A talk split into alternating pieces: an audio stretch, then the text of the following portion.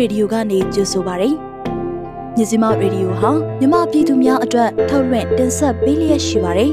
။ကျမတို့ရဲ့မြစီမရေဒီယိုကိုနေ့စဉ်ည6နာရီခွဲမှည9နာရီခွဲထိလိုင်းဒိုမီတာ16မီတာစက္ကွန်တသမခွန်3မဂါဟက်စ်ကနေပြီးတော့ဖမ်းယူနားဆင်နိုင်ပါပြီ။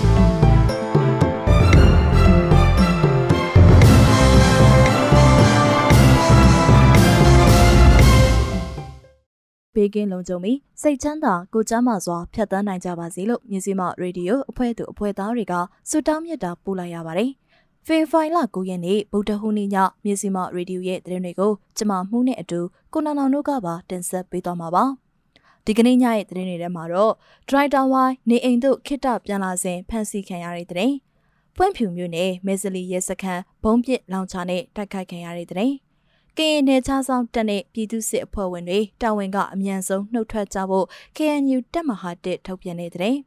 ဆရာနာရှင်စန့်ကျင်ရေးစာရေးတဲ့ဥပစင်းကိုလာဖက်တဲ့စစ်ကမိုင်းဆွဲခံရတဲ့တဲ့စားတဲ့ပြည်ရင်းတဲ့စီးပွားရေးတဲ့တွေနဲ့နိုင်ငံတကာတဲ့တွေဘက်မှာတော့အမေရိကန်ကဒေါ်လာတန်း100ဘိုးလက်နက်ရောင်းချပေးတဲ့အတွက်ထိုင်ဝမ်ကျေးဇူးတင်တဲ့အကြောင်း ဂီနီဘစ်ဆောမှာရှိတဲ့ပုဂ္ဂလိကရေဒီယိုအတန်လွှင့်ဌာနတစ်ခုကိုတနက်သမားတွေတိုက်ခိုက်တဲ့အကြောင်းအပါအဝင်အပတ်စဉ်တင်ဆက်ပေးနေတဲ့သတင်းဆောင်မအစီအစဉ် Nature's Article အစီအစဉ်နဲ့ BNI အစီအစဉ်တွေကိုလည်းနားဆင်ကြရဖို့ရှိပါတယ်ရှင်။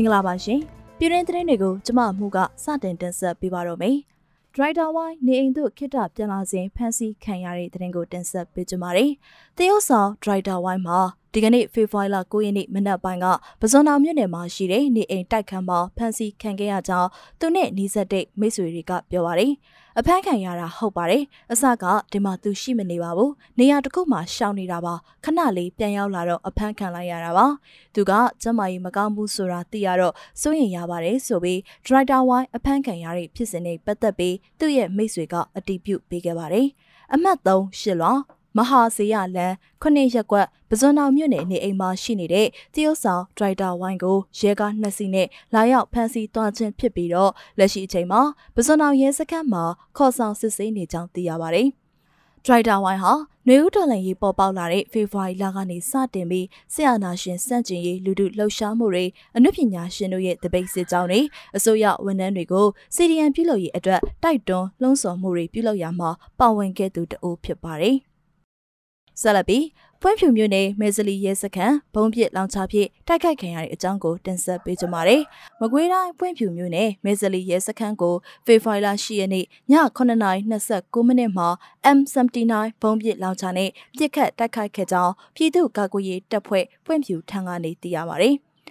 မင်းအောင်လိုင်လာပြီးဘေဒင်ကိန်းကနန်းအရာရရအရာတစ်သားပထောင်းဆိုတဲ့ရွာမှာဖျားတဲပြီးတော့စိန်ဖူးတော်လာတင်မယ်ဆိုလို့စန့်ကျင်တဲ့အနေနဲ့အခုလိုပြစ်ခတ်တိုက်ခိုက်ခဲ့တာပါဆိုပြီးအဲ့ဒီအဖွဲ့ရဲ့တာဝန်ရှိသူကရှင်းပြပါတယ်။မဲဆလီရဲစခန်းမှာစစ်ကောင်စီတပ်ဆွဲထားတာဟာလေးလာကကြာမြင့်နေပြီဖြစ်ပြီးတော့လက်နက်ကြီးတွေနဲ့တိုက်ခိုက်ခံရပြီးတဲ့နောက်တနက်နဲ့ဇက်တိုက်ပြန်လည်ပစ်ခတ်ခဲ့တယ်လို့ဆိုပါတယ်။ ခုနှစ်ရက်နေ့လောက်ကလေးကပွင့်ဖြူမျိုးတွေကဖိတ်ဟားတွေဖုန်ကြီးကြောင်းတွေဓမ္မယုံတွေမှာတက်ဖြန့်ပြီးတက်ဆွဲထားတာမေးအောင်လိုက်လမ်းကြောင်းရှိလို့ဆိုပြီးပြည်သူတွေမှအပြင်တော်မထွက်ရဲပဲအိမ်ထဲမှာနေနေရတယ်။သူတို့နဲ့တိုးရင်လဲစစ်လားစီးလာတွေလုပ်တယ်။ဒေသခံတွေကအင်မတန်မှစုံရင်ထိတ်လန့်ကြောက်ရွံ့နေရတယ်ဆိုပြီးဒေသခံတို့ကပြောပါတယ်။ပွင့်ဖြူမျိုးနဲ့မှာဖေဖော်ဝါရီလ၁ရက်နေ့ကတက်မတော်ထောက်ခံပွဲဥဆောင်သူကိုမိုင်းခွဲတိုက်ခိုက်ခဲ့ပါသေးတယ်။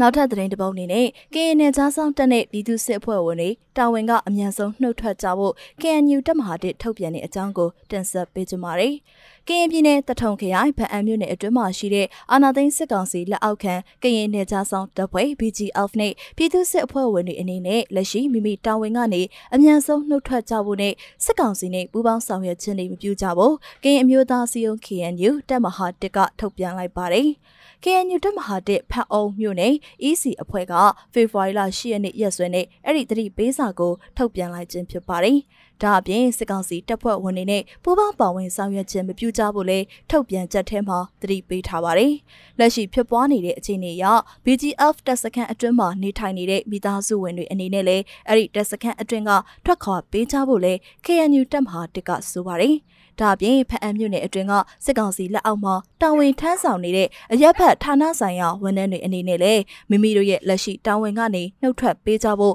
KNU ရဲ့ထုတ်ပြန်ချက်ထဲမှာဖော်ပြထားပါတယ်။ ဒါအပြင် KNU တပ်မဟာငါထိန်းချုပ်နေမြေဖြစ်တဲ့ဖာပုံမြို့နယ်အတွင်းမှာရှိတဲ့စစ်ကောင်စီလက်အောက်မှာတာဝန်ထမ်းဆောင်နေတဲ့ဌာနဆိုင်ရာအသီးသီးကဝန်ထမ်းတွေအနေနဲ့ဆက်ရက်အတွင်းအမြန်ဆုံးနှုတ်ထွက်ကြဖို့ဇန်နဝါရီလ30ရက်နေ့ရက်စွဲနဲ့သတိပေးစာထုတ်ပြန်ထားပါတယ်။ပြီးခဲ့တဲ့ဇန်နဝါရီလ16ရက်နေ့ကလည်းဖပွန်ခရိုင်မေပလိကျေးရွာမှာရှိတဲ့ KN နယ်ခြားစောင့်တပ် BGF အမှတ်1014တပ်စခန်းကို KN မျိုးသားလူမျိုးရေးတပ်မတော် KNL တပ်မဟာ9ကဝင်ရောက်တိုက်ခိုက်မိရှုဖျက်ဆီးခဲ့ပါသေးတယ်။ဖပွန်ခရိုင်အတွင်းမှာရှိတဲ့ကရင်နယ်ကြားဆောင်တပ် BGF တွေအနေနဲ့စစ်ကောင်စီတပ်ဖွဲ့ဝင်တွေကိုဆက်လက်ကူညီနေပါကကရင်အချင်းချင်းမတိုက်ခိုက်ခြင်းပေမဲ့လည်းတိုက်ခိုက်ရမယ်လို့ KNL တပ်မဟာ9ကဇန်နဝါရီလ15ရက်နေ့မှာနောက်ဆုံးသတိပေးစာထုတ်ပြန်ပြီးတဲ့နောက်ရက်ပိုင်းအကြာမှာပဲမေပလိ BGF တပ်စခန်းကို KNU ကတိုက်ခိုက်သိမ်းပိုက်ခဲ့ခြင်းဖြစ်ပါတယ်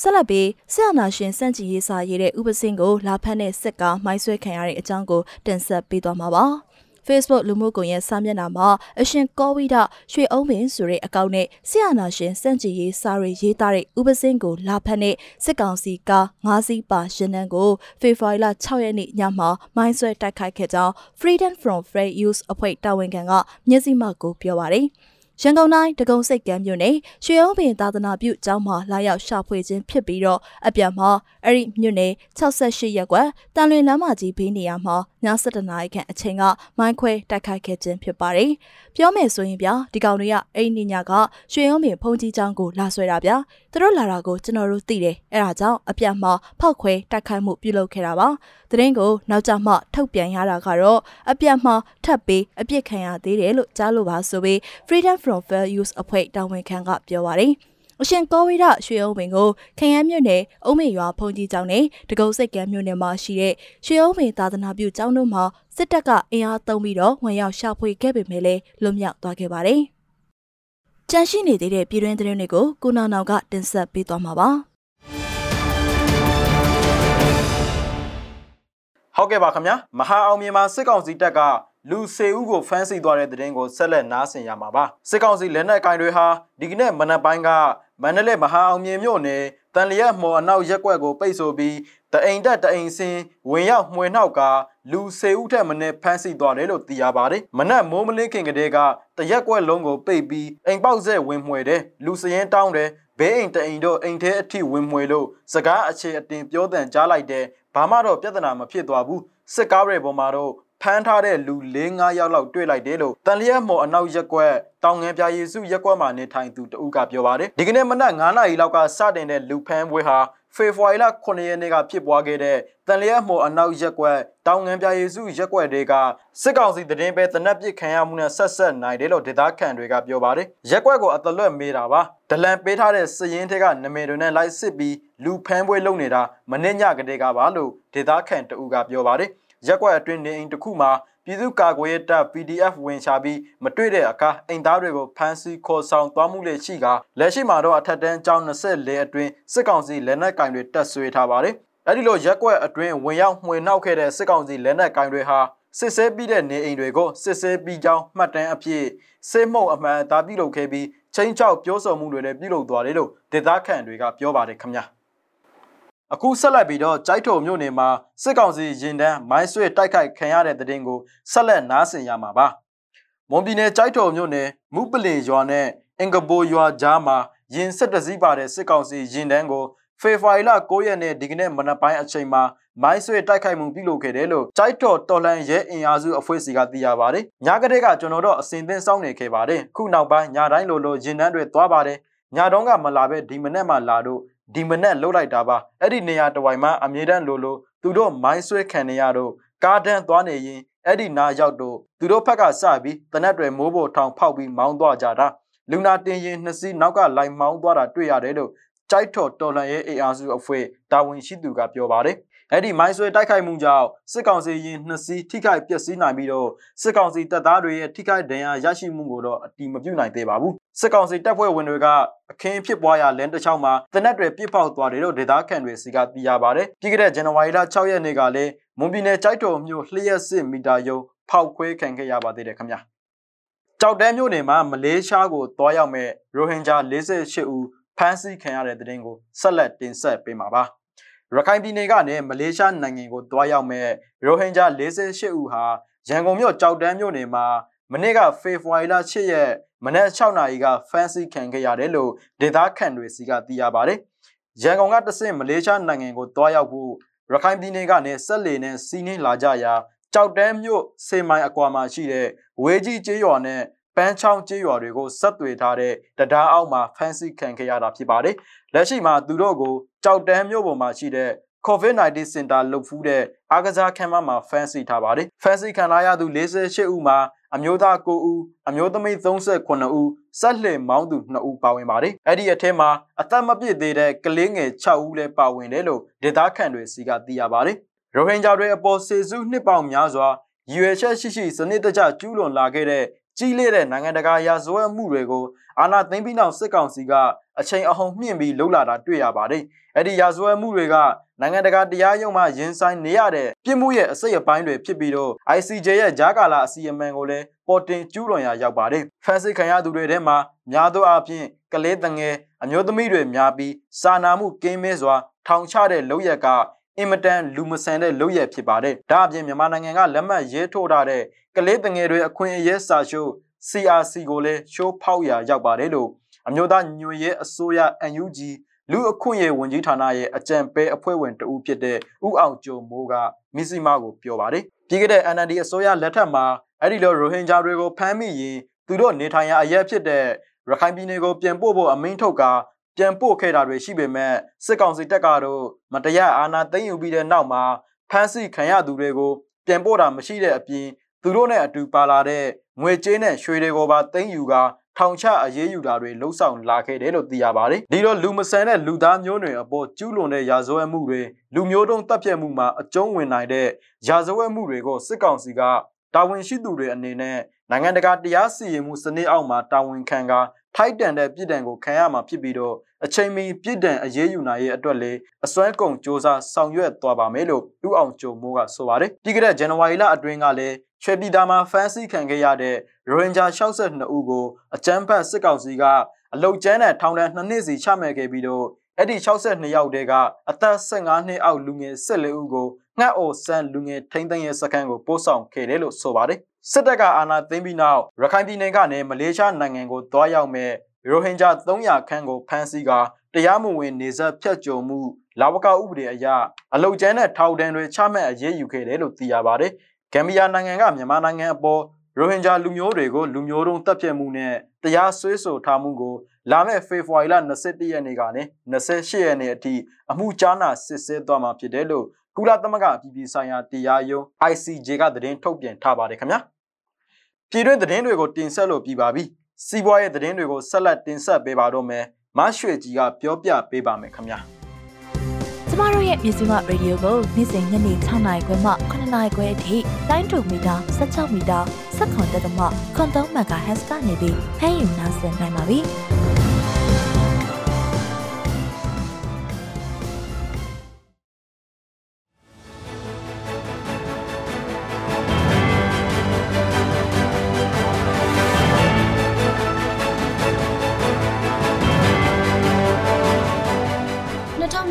နှစ်ဖေဖော်ဝါရီလမှာစစ်တပ်ရဲ့အရေးပေါ်အခြေအနေကြေညာပြီးတစ်နှစ်အကြာမှာပဲကမ္ဘာထိပ်သီးရင်းနှီးမြှုပ်နှံသူနှစ်ဒါဇင်နီးပါးနိုင်ငံတွင်းကထွက်ခွာသွားတယ်လို့ Reporting ASEAN ရဲ့အစီရင်ခံစာမှာဖော်ပြထားပါတယ်။ကမ္ဘာဘဏ်ရဲ့အချက်လက်တွေနဲ့သတင်းစီရင်ခံစာတွေကိုကိုးကားဖော်ပြထားခြင်းဖြစ်ပြီးကုမ္ပဏီတွေအနေနဲ့စီးပွားရေးကဏ္ဍ14ခုမှာသူတို့ရဲ့ရင်းနှီးမြှုပ်နှံမှုတွေကိုဆိုင်းငံ့ထားခြင်းသို့မဟုတ်နှုတ်ထွက်ခြင်းတွေပြုလုပ်ခဲ့တယ်လို့ဆိုပါတယ်။ Total စွမ်းအင် Toyota, Telenor, Aeron အမတာအုပ်စုထိုင်းတို့အပါအဝင်ထိပ်သီးစီးပွားရေးလုပ်ငန်း22ခုထိပါဝင်နေပြီးနိုင်ငံအတွင်းမတည်ငြိမ်မှုတွေနဲ့စီးပွားရေးကျဆင်းလာမှုတို့ကြောင့်12လအတွင်းလုပ်ငန်းများပြားထွက်ခွာသွားခြင်းဖြစ်တယ်လို့ဖော်ပြကြပါဗျ။ကမ္ဘာ့ဘဏ်ရဲ့မြန်မာစီးပွားရေးစောင့်ကြည့်မှုအစီရင်ခံစာ2021မှာတော့2022ခုနှစ်အတွက်မြန်မာစီးပွားရေး100ခိုင်နှုန်းသာရောက်ရှိမယ်လို့မျှော်မှန်းချက်ရှိပေမယ့်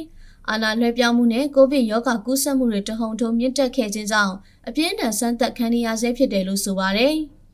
IHS Market ရဲ့ဇန်နဝါရီလစစ်တမ်းမှာလည်းလုပ်ငန်းတွေကလျှက်စစ်ပြီးပြတ်တောက်မှု၊ကုန်ကျန်းရှားပါမှုနဲ့ငွေသားပြတ်တောက်မှုတွေကိုကုမ္ပဏီတွေကမကြာခဏထောက်ပြနေကြပြီးဈေးဝယ်တွေရဲ့ဗန်နာရေးပြဿနာများနဲ့နိုင်ငံရေးမတည်ငြိမ်မှုတို့ကပြည်တွင်းစေးကွက်ရဲ့ဝယ်လိုအားပေါ်ဖိစီးနေတယ်လို့ဖော်ပြခဲ့ပါတယ်။အာနာသိန်းစစ်ကောင်ဆောင်မင်းအောင်လှိုင်ကလည်းယခုလဆန်းပိုင်းကပြုလုပ်ခဲ့တဲ့အစည်းအဝေးတစ်ခုမှာမိမိတို့တာဝန်ယူချိန်နောက်ပိုင်းနိုင်ငံရေးအခြေအနေကြောင့် နိုင်ငံရဲ့စီးပွားရေးအခြေအနေတွေမှာအထိုက်လျောက်သာတိုးတက်မှုရှိခဲ့ကြောင်းထည့်သွင်းပြောကြားခဲ့ပါတယ်။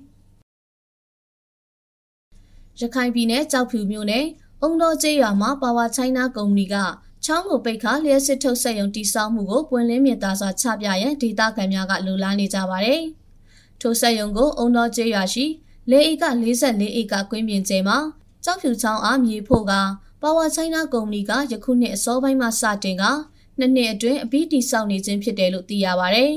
။ရင်းတို့တိစောက်ရမှာကြောက်ဖြူချောင်းကိုပိတ်ဆို့ထားမှုကြောင့်မိုးရာသီမှာရေလမ်းမိုးမှုရှိပါကလေကိုင်းရွာတို့မမြုပ်သွားရအောင်စီစဉ်ပေးရန်စီမံကိန်းတိစောက်နေတဲ့မြေကရွာမြေထက်ရှစ်ပေခန့်မြင့်တာကြောင့်မိုးရွာတဲ့အချိန်မှာရေထိန်းနေရန်များပြိုကျပြီးအနေနဲ့များရွာကိုလွှမ်းမိုးမှုမရှိအောင်ဆောင်ရွက်ပေးရန်ထိုစီမံကိန်းမှာရေစိုးရေညစ်များကို မြေတို့မြေပုံစုပြစ်မြေကိုဒေသခံများအားရှင်းရှင်းလင်းလင်းချပြရန်စီမံကိန်းရဲ့အထက်လမ်းမှာရှိတဲ့ရွာလန်းဟာမြေနှိမ့်နေတာကြောင့်ရွာလန်းမှာရေဝင်ပြီးရွာလယ်မှာချောင်းဖြစ်သွားမည်ကိုစိုးရိမ်ပြီးရေမဝင်လာစေရန်လှုံ့ဆော်ပေးရန်အချက်များအပါအဝင်အချက်6ချက်ကိုလိုလားကြောင်းဒေသခံများကပြောပါရယ်အဆိုပါအချက်များကိုပြီးခဲ့တဲ့ဖေဖော်ဝါရီလ2ရက်နေ့ကမြို့နယ်ထွေထွေအုပ်ချုပ်ရေးဦးစီးဌာနရုံးမှာ ပါဝါချိုင်းနာကုမ္ပဏီမှတာဝန်ရှိသူများနဲ့အုံတော်ဒေသခံများတွေ့ဆုံစဉ်တောင်းဆိုခဲ့တယ်လို့လည်းသိရပါဗျ။ရင်းတို့တောင်းဆိုချက်များနဲ့ပတ်သက်ပြီးပါဝါချိုင်းနာကုမ္ပဏီဘက်က၎င်းတို့ရဲ့ရေစိုးရေညစ်များကိုမထုတ်ဘဲရေချိုကန်ထားရှိသွားမှာဖြစ်ပြီးကြောက်ဖြူမှာလျှက်စစ်ဓာတ်အားကိုဈေးနှုန်းချိုသာစွာနဲ့အလွယ်တကူသုံးစွဲနိုင်ရန်ဒေတာဖွံ့ဖြိုးရေးအတွက်လှုံ့ဆော်ခြင်းသာဖြစ်ကြောင်းပြောကြားခဲ့တယ်လို့သိရပါဗျ။ကြောက်ဖြူချောင်းအားပိတ်ဆို့ကယခုကဲ့သို့စက်ရုံတိဆောက်နေတဲ့အတွက်ကြောက်ဖြူချောင်းတစ်လျှောက်မှာရှိတဲ့ အုံတော်ကုန်းပေါင်းစိတ်ချောင်းပြင်ကျေးရွာများနဲ့ဒေသခံများရဲ့လေယာမြေများချောင်းမှာရှိတဲ့ငါးပစုံများပျက်စီးဆုံးရှုံးသွားမှာကိုဒေသခံများကစိုးရိမ်ကြောက်ကြနေကြတာပဲဖြစ်ပါတယ်။စက်ရုံတိဆောက်နေတဲ့အုံတော်ကျေးရွာမှာအင်ဂျီ930ခန်းနဲ့လူဦးရေ2000ခန့်ရှိပြီးလေယာလုပ်ငန်းစိုက်ပျိုးရေးလုပ်ငန်းနဲ့ငါးဖမ်းလုပ်ငန်းကိုလုပ်ကင်ကြကြောင်းသိရပါဗျ။ COVID-19 ရောဂါနဲ့နိုင်ငံရေးအကျပ်တဲတွေရဲ့အကျိုးသက်ရောက်မှုကြောင့်မြန်မာနိုင်ငံကပြည်ပခဖြစ်ပွားခဲ့တဲ့နေရာတွေကလေယာလုပ်ငန်းတွေမှာထိခိုက်မှုတွေရှိနေတယ်လို့မြန်မာနိုင်ငံဆိုင်ရာဒိမတ်တန်ယုံကဖေဖော်ဝါရီလ9ရက်နေ့မှာထုတ်ပြန်အသိပေးလိုက်ပါတယ်။ဒိမတ်နိုင်ငံအနေနဲ့အခုလိုချိန်နေမှာကုလသမဂ္ဂစားနပ်ရိက္ခာအစီအစဉ်ကိုအမေရိကန်ဒေါ်လာ3.8တန်းနဲ့ညီမျှတဲ့ဒိမတ်ခရိုနာ25တန်းကိုထည့်ဝင်လှူဒန်းထားသလိုတာဝန်ယူမှုရှိသောစီးပွားရေးလုပ်ငန်းများအတွက်ရန်ပုံငွေမှတဆင့် ရခိုင်ပြည်နယ်ကလယ်သမားတွေကိုဓာတ်ရိုက်ပံ့ပိုးလျက်ရှိတယ်လို့တန်ယုံဘက်ကပြောဆိုထားပါတယ်။အဲ့ဒီရန်ပုံငွေတွေနဲ့ပဲထုတ်လုပ်နည်းတွေကိုတိုးတက်ကောင်းမွန်ပြီးအထွက်တိုးအောင်လယ်သမားတွေကိုကူညီပေးနေတယ်လို့လည်းတန်ယုံဘက်ကပြောပါတယ်။ဒီနေ့အထိအသေးစားလုပ်ငန်းလုပ်ကိုင်တဲ့လယ်သမား86ဦးကိုကောက်ပဲသီးနှံမျိုးစုံရိတ်သိမ်းချွေလိမ့်နိုင်တဲ့ရိတ်သိမ်းချွေလိမ့်ဆက်ဝယ်ယူဖို့မြန်မာငွေစက်2ဘီလီယံပံ့ပိုးပေးခဲ့ပြီးဖြစ်တယ်လို့လည်းတန်ယုံမှသိရပါဗျ။လူအင်အားနဲ့ရိတ်သိမ်းရင် တနေ့ကိုတဧက2ဧကသာပြီးစီးခဲ့ရမှာအခုလိုပံ့ပိုးပေးတဲ့ဆက်တွေကြောင့်ယခုကလယ်သမားတွေဟာတနေ့ကို9ဧက10ဧကအထိရိတ်သိမ်းချွေလိမ့်နိုင်ပြီလို့သိရပါဗျ။အခုတင်ဆက်ပေးခဲ့တာကတော့နောက်ဆုံးရစီးပွားရေးသတင်းအကြောင်းအရာတွေပဲဖြစ်ပါတယ်။ဒီကနေ့ရဲ့တင်ဆက်မှုကိုဒီလောက်နဲ့ပဲရနာပြစေရှင်။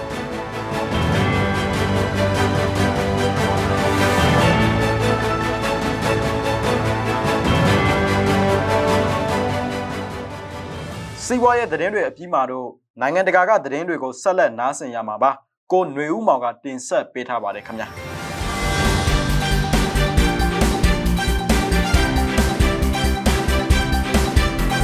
ထိုင်ဝမ်ကျွန်းရဲ့ လေကြောင်းရန်ကာကွယ်ရေးဇုံအတွင်းတရုတ်စစ်လေယာဉ်တွေကျူးကျော်ဝင်ရောက်မှုတိုးမြင့်လာနေချိန်မှာ၎င်းရဲ့ဝေဟင်နဲ့ဒုံးကျည်ကာကွယ်ရေးစနစ်များကိုပံ့ပိုးရန်အတွက်ဒေါ်လာတန်းတရာတန်စစ်လက်နက်ပစ္စည်းများနဲ့ဝန်ဆောင်မှုများရောင်းချပေးခဲ့တဲ့အတွက်အမေရိကန်ကိုကျေးဇူးတင်ကြောင်းပြောဆိုလိုက်ပါတယ်။ကိုပိုင်အုပ်ချုပ်ခွင့်ရ ဒီမိုကရက်တစ်ထိုင်ဝမ်ကိုလိုအပ်ပါကအင်အားသုံးတိုက်ခိုက်သိမ်းယူမယ်လို့ကျွန်းကို၎င်းရဲ့ပိုင်တဲ့အဖြစ်သတ်မှတ်ထားတဲ့တရုတ်ကအမြဲတစေချင်းချောက်ခံနေရပါတယ်။ဘေကျင်းဟာမကြသေးမီလများအတွင်းထိုင်ဝမ်ရဲ့လေကြောင်းရန်ကာကွယ်ရေးဇုံအတွင်းကိုတိတိတသားကျူးကျော်ဝင်ရောက်လာခဲ့ပြီးပြီးခဲ့တဲ့နှစ်နောက်ဆုံး3လပတ်မှာအရှိန်မြင့်လှုပ်ဆောင်လာခဲ့ပါတယ်။ဒီအတွက်၎င်းရဲ့ Patriot ဒုံးပြန်လေကြောင်းရန်ကာကွယ်ရေးစနစ်ကိုပြုပြင်မွမ်းမံဖို့ရာဒေါ်လာတန်းတရာတန်စတက်လက်နဲ့ပစ္စည်းများရောင်းချပေးဖို့အတည်ပြုခဲ့တဲ့အတွက် တိုင်ပေကအမေရိကန်ကိုကျေးဇူးတင်ကြောင်းဖေဖော်ဝါရီလ10ရက်အင်္ဂါနေ့ကပြောကြားခဲ့ပါတယ်။ဒါဟာသမ္မတဂျိုးဘိုင်ဒန်တက်လာပြီးနောက်ပိုင်းထိုင်ဝမ်ကိုဒုတိယအကြိမ်လက်နက်ရောင်းချမှုဖြစ်ပြီးဒီနှစ်အတွက်ပထမဆုံးဖြစ်ပါတယ်လို့ထိုင်ဝမ်သမ္မတရဲ့ပြောခွင့်ရဇာဗီယာချန်ကထုတ်ပြန်ချက်မှာဖော်ပြထားပါတယ်။ဒါဟာထိုင်ဝမ်နဲ့အမေရိကန်ကြားကခိုင်မာတဲ့ပူးပေါင်းဆောင်ရွက်မှုကိုထင်ဟပ်နေပါတယ်လို့၎င်းကဆက်ပြောပါတယ်။ အဆိုပါသဘောတူညီချက်ဟာမက်လာတစ်ချိန်ချိန်မှာအသက်ဝင်မယ်လို့ထိုင်ဝမ်ကာကွယ်ရေးဝန်ကြီးဌာနကပြောကြားခဲ့ပါတယ်။အမေရိကန်ကာကွယ်ရေးနဲ့လုံခြုံရေးပူးပေါင်းဆောင်ရွက်ရေးအေဂျင်စီရဲ့ထုတ်ပြန်ချက်အရအဆိုပါသဘောတူညီချက်ဟာလေကြောင်းရန်ကာကွယ်ရေးစနစ်တွေကိုလေကြောင်းစစ်စင်ရေးအတွက်အစင်သင့်ဖြစ်စေဖို့အတွက်နည်းပညာပိုင်းဆိုင်ရာပံ့ပိုးမှုနဲ့ပြုပြင်ထိန်းသိမ်းမှုတွေပြုလုပ်ဖို့အာမခံပေးမှာဖြစ်ပါတယ်။ ဒီစွမ်းရည်ကိုဒေတာရင်းချင်းချောက်မှုတွေကိုအဟံတားဖြစ်စေဖို့နဲ့အမိမြေကာကွယ်ရေးကိုအားကောင်းစေရန်အတွက်အသုံးပြုနိုင်ပါလိမ့်မယ်လို့ American Agency ကပြောကြားခဲ့ပါတယ်ဂီနီဘစ်ဆောရှိအစိုးရကိုဝေဖန်တဲ့ပုဂ္ဂလိကရေဒီယိုအတန်လွှင့်ဌာနတစ်ခုကိုဖေဖော်ဝါရီလ9ရက်တနင်္လာနေ့မှာတနက်သမားတစုကတိုက်ခိုက်ခဲ့ကြောင်းမန်နေဂျာတဦးကပြောကြားခဲ့ပြီးဒါဟာအနောက်အာဖရိကနိုင်ငံမှာပြီးခဲ့တဲ့သတင်းပတ်ကအာဏာသိမ်းမှုပြက်ပြားသွားခဲ့တဲ့နောက်ပိုင်း တိုက်ခိုက်မှုဖြစ်ပါတယ်။မြန်တဖုံးစုတနက်သမားတွေဟာမြို့တော်ပစ်စောရှိအဆိုပါအတန်လွတ်ဌာနရှိရာကိုဖိုးဝီးတွေနဲ့ရောက်ရှိလာခဲ့ပြီးစက်ပစ္စည်းတွေကိုအရင်ဆုံးပြစ်ခတ်ဖျက်ဆီးခဲ့ကြောင်းအတန်လွတ်ဌာနရဲ့မန်နေဂျာတူကဆိုပါတယ်။သူတို့ကကျွန်တော်ကိုဒူးထောက်ခိုင်းထားပြီးရိုက်နှက်ခဲ့တယ်လို့ အမည်မဖော်လိုတဲ့မြို့တော် FM ရဲ့မန်နေဂျာတူကဆိုပါတယ်။ထွက်ပြေးဖို့ကြိုးစားတဲ့လုပ်ဖို့ကင်ဘက်တယောက်ဒဏ်ရာရသွားတယ်။စက်ပစ္စည်းတွေအားလုံးပျက်စီးသွားလို့အတန်လွင့်နာကိုရက်လိုက်ပါပြီလို့၎င်းကဆက်ပြီးပြောကြားပါတယ်။မြို့တော် FM ဟာအစိုးရရဲ့သမ္မတဥမာရိုစစ်ဆိုကိုအယ်ဘန်လိုကိုပြင်းပြင်းထန်ထန်ဝေဖန်ခဲ့ပြီးဂီနီဘစ်ဆောမှာအရင်ကလွှမ်းမိုးခဲ့တဲ့ PAIGC အဖွဲ့နဲ့ပတ်သက်နေတယ်လို့ယူဆကြပါတယ်။ မကြသေးမီနှစ်များအတွင်းအတန်လွင့်ရုံတိုက်ခိုက်မှုတွေပုံမှုအဖြစ်များလာပြီး2020ခုနှစ်ကလည်းအခုလိုအမည်မသိတနက်သမားတွေရောက်ရှိလာပြီးစက်ပစ္စည်းတွေကိုဖျက်ဆီးခဲ့ပါတယ်။ဖေဖော်ဝါရီလ၁ရက်နေ့ကအာနာသိမ်းမှုကြိုးပမ်းမှုအပြီးတိုက်ခိုက်မှုအတွင်းမှာလူ12ဦးသေဆုံးခဲ့ပါတယ်။အာနာသိမ်းမှုကျင်းစီသူတွေရဲ့အထောက်အထားနဲ့ရွေချက်တွေကိုရှင်းရှင်းလင်းလင်းမသိရသေးဘဲစုံစမ်းစစ်ဆေးမှုတွေလှုပ်ဆောင်နေပါတယ်။ဂီနီဘစ်ဆော့ရဲ့လေးနှစ်ကြာ သမ္မတပိုင်းအုပ်ချုပ်မှုစနစ်အောက်ကနိုင်ငံရေးတိုက်ပွဲများအပြီး2020ခုနှစ်ဖေဖော်ဝါရီလရွေးကောက်ပွဲမှာအရန်တက်ချုပ်အမ်ဘယ်လိုကအနိုင်ရပြီးသမ္မတဖြစ်လာခဲ့ပါတယ်။၎င်းရဲ့အဓိကပြိုင်ဘက် PAIGC ကိုယ်စားလှယ်လောင်းဒိုမင်ဂိုဆင်မို့စ်ပါရာရာဟာရွေးကောက်ပွဲရလဒ်အပေါ်ခါခါတီးတီးအငင်းပွားခဲ့ပေမဲ့တရားရုံးချုပ်က၎င်းရဲ့စောတကတက်မှုကိုမဆောင်ဆိုင်ပဲ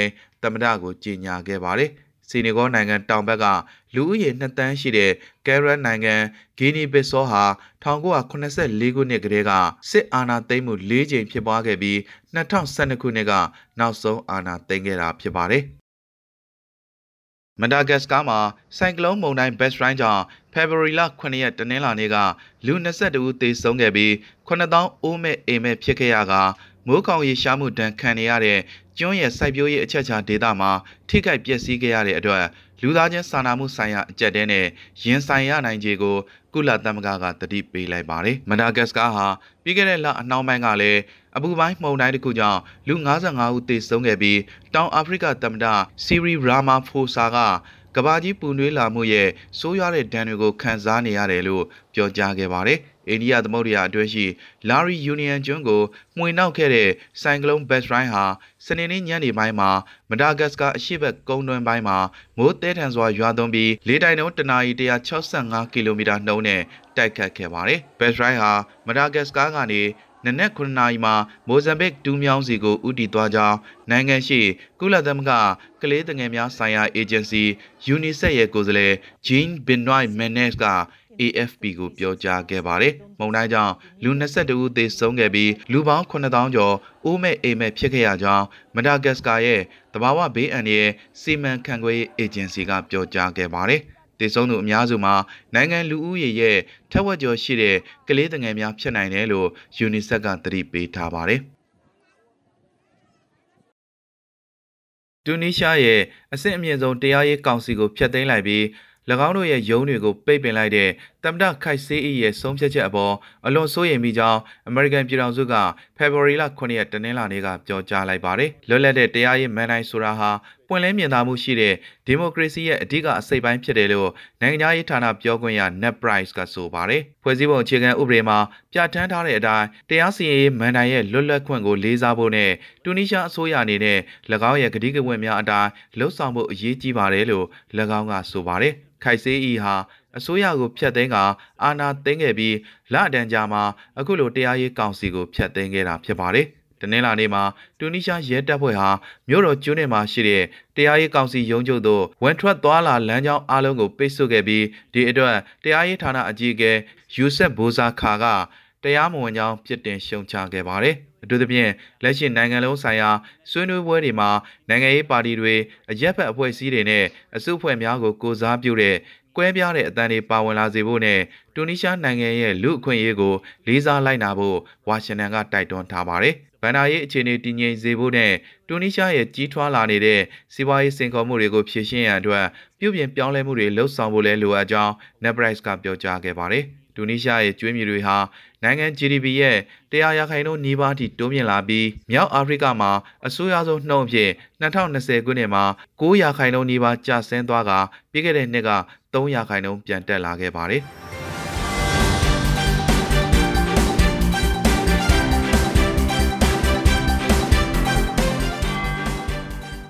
ကဲအခုကတော့ပတ်စင်တင်ဆက်ပေးနေတဲ့သတင်းဆောင်မအစီအစဉ်ကိုနားဆင်ရမယ့်အလှပါဖက်စစ်ဝါဒစနစ်ဆိုးတွေကင်းနေတဲ့၍လွတ်လပ်မှုဆိုတာမရှိဘူးဆိုတဲ့ဆောင်းပါးကိုကိုလင်းထက်ကပြောပြပေးပါမယ်ခင်ဗျာဒီတစ်ပတ်မှာတော့ဖက်စစ်ဝါဒစနစ်ဆိုးတွေကဲနေတွေလွတ်လပ်မှုဆိုတာမရှိဘူးဆိုတဲ့ဆောင်းပါးကိုတင်ဆက်ပေးမှာပဲဖြစ်ပါတယ်ဖက်စစ်စနစ်ဟာအဆိုးဝါးဆုံးကောက်ကြည့်ယုံမာဆုံးရက်အဆက်ဆုံး အကြမ်းတမ်းဆုံးအရှက်ကင်းမဲ့ဆုံးသွေးအဆုပ်ဆုံးလူမျိုးချင်းမုန်းတီးမှုအကြီးမားဆုံးပြောင်ချောင်းလန့်တပ်ဖြတ်တဲ့ဝါဒဖြစ်တယ်လို့ဘူဂေးရီးယားနိုင်ငံရေးခေါင်းဆောင်တူဖြစ်တဲ့ဂျော်ဂျီဒီမီထရော့ဖ်ကဆိုခဲ့ပူပါတယ်။ဒါဟာဖက်စစ်စနစ်ရဲ့စိုးရုံမှုကိုအပြည့်စုံဆုံးအဓိပ္ပာယ်ဖွင့်ထားတာဖြစ်ပါတယ်။ဂျော်ဂျီဒီမီထရော့ဖ်လိုပဲဖက်စစ်စနစ်ရဲ့စိုးရုံမှုတွေရှိနေရင်နိုင်ငံဟာဘယ်တော့မှလွတ်လပ်မှုရမှာမဟုတ်ဘူးလို့ဗိုလ်ချုပ်အောင်ဆန်းကလည်းဆိုခဲ့ပူပါတယ်။ 1945ခုနှစ်ဩဂုတ်လအတွင်းမှာပြုလုပ်ခဲ့တဲ့စတုဒ္ဓအကျိမ်းမြောက်နိုင်ငံခေါင်းဆောင်များစီဝေးမိန့်ခွန်းမှာထည့်သွင်းပြောဆိုခဲ့တာဖြစ်ပါတယ်။နိုင်ငံမှာအာဏာရှင်ဝါဒလူမျိုးချင်းမုန်းတီးဝါဒဂျပန်ပြည်လိုစစ်ကသာလွှမ်းမိုးရမယ်ဆိုတဲ့စစ်ဘက်အာဏာရှင်စနစ်တအူးဇာမိုင်းရှင်ဘီရင်စနစ်ဒီဝါဒအငယ်စားဖြစ်တဲ့ ပရိသေမြို့စားရွာစားဝါဒတိုင်းလူပြည်သားဆန္ဒအရမဟုတ်ပဲအထက်ကခန့်ထားပြီးတိုင်းလူပြည်သားတွေနဲ့ကင်းကွာလို့မင်းစိတ်ပေါက်တဲ့အရာရှိတွေခြေလဲတဲ့စနစ်ဆိုးတွေဒါတွေတမျိုးမျိုးဖြစ်နေခဲ့ရင်အများဆန္ဒနဲ့လောက်ကင်ရတဲ့ဒီမိုကရေစီဝါဒခင်မစားလာပဲစင်တူရိုးမဖက်စစ်ဝါဒတွေပေါ်လာနိုင်တယ်ဒီဝါဒမျိုးပေါ်လာရင်တိုင်းလူပြည်သားတွေဟာလွတ်လပ်ရေးဆိုတာများနိုင်တော့ဘူးလို့ဗိုလ်ချုပ်အောင်ဆန်းကဆိုခဲ့တာပါဒီမေကုန်းကောင်းတို့ချက်အရ ဖက်စစ်ဝါဒရဲ့စိုးရုံမှုဖက်စစ်ဝါဒနဲ့အလားတန်တူတဲ့စင်တူယိုမစရိုက်ဆိုးတွေရှိနေသည်လွတ်လပ်ရေးဆိုတာအပြောတသက်ပဲဖြစ်နေမယ်ဒီမိုကရေစီစနစ်တည်ဆောက်မှလွတ်လပ်ရေးရမယ်ဆိုတာကိုရှေးရခင်ကလေးကဗိုလ်ချုပ်လမ်းညွှန်ခဲ့တာဖြစ်ပါတယ်ဒုတိယကမ္ဘာစစ်မတိုင်မီကာလနိုင်ငံလွတ်လပ်ရေးကိုအင်္ဂလိပ်လက်ကနေတိုက်ယူမှရမယ်ဆိုတဲ့ချင်းကပ်မှုနဲ့ဗမာလူငယ်တွေဟာဂျပန်စီမှာစစ်ပညာသင်ယူခဲ့ကြပြီးရဲဘော်သုံးကြီးဆိုတာဖြစ်လာခဲ့ပါတယ်။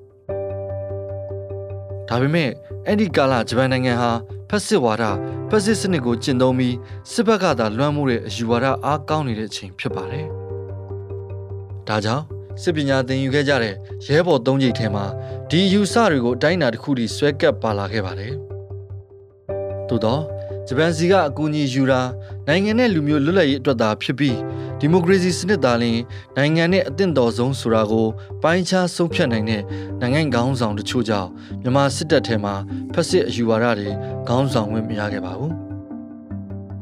1945ခုနှစ်နိုင်ငံခေါင်းဆောင်များအစည်းအဝေးမှာဗိုလ်ချုပ်ဆန်းပြောခဲ့တဲ့မိန့်ခွန်းကိုကြည့်ရင်မြင်နိုင်ပါတယ်။သို့တော့1948ခုနှစ်မှာ ဗိုလ်ချုပ်အောင်ဆန်းနဲ့နိုင်ငံရေးခေါင်းဆောင်အချို့လုတ်ကြံတပ်ဖြတ်ခံရမှု1948ခုနှစ်လွတ်လပ်ရေးရပြီးနောက်ပိုင်းဗမာနဲ့တိုင်းရင်းသားအင်အားစုတွေကြားထားရှိတဲ့စီလုံးညီညွတ်မှုကိုအခြေခံသောပင်လုံဂရိကဝတ်တွေကိုနိုင်ငံရေးအာဏာရယူထားတဲ့သူတွေဘက်ကဖြည့်ဆည်းဆောင်ရွက်ဖို့ပြက်ကွက်ခဲ့မှုကြောင့်စတင်ခဲ့တဲ့ပြည်တွင်းစစ်ကြောင့်ရဲဘော်သုံးကျင့်ဝင်ဗိုလ်နေဝင်းခေါင်းဆောင်တဲ့စစ်တပ်ထဲမှာလျှို့ရှိုးနေခဲ့တဲ့ဖက်စစ်အကျဉ်းစိုးတွေဖက်စစ်အယူဝါဒတွေခေါင်းထောင်လာခဲ့ပါတယ်။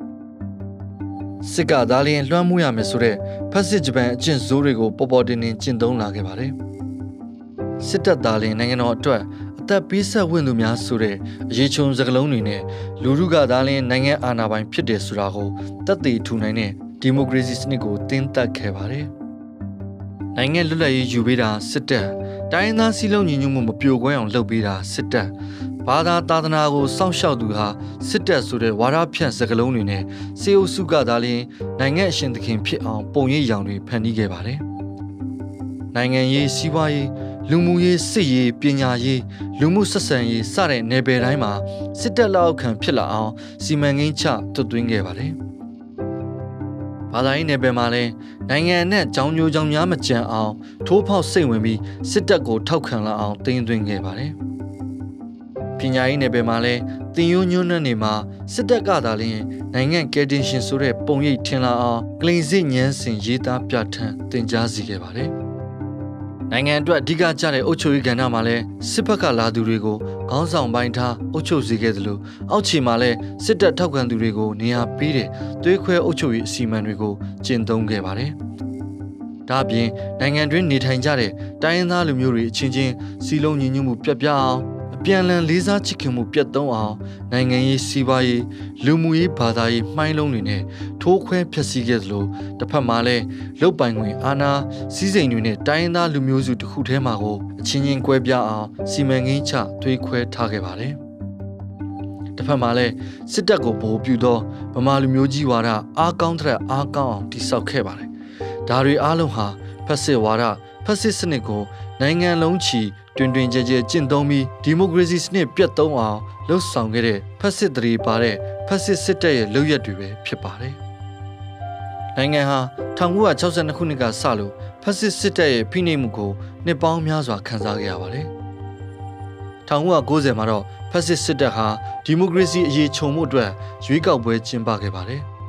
။ဒီရွေးကောက်ပွဲမှာ ဖက်စစ်စစ်တပ်ကိုပုံဖြတ်တိစောက်ထားတဲ့တိုင်းရင်းသားစီလုံးညီညွတ်ရေးတဆညပါတီကိုအရက်သားအသွင်ယူခိုင်းပြီးအာဏာလွှဲပြောင်းပေးဖို့စီစဉ်ခဲ့ပါတယ်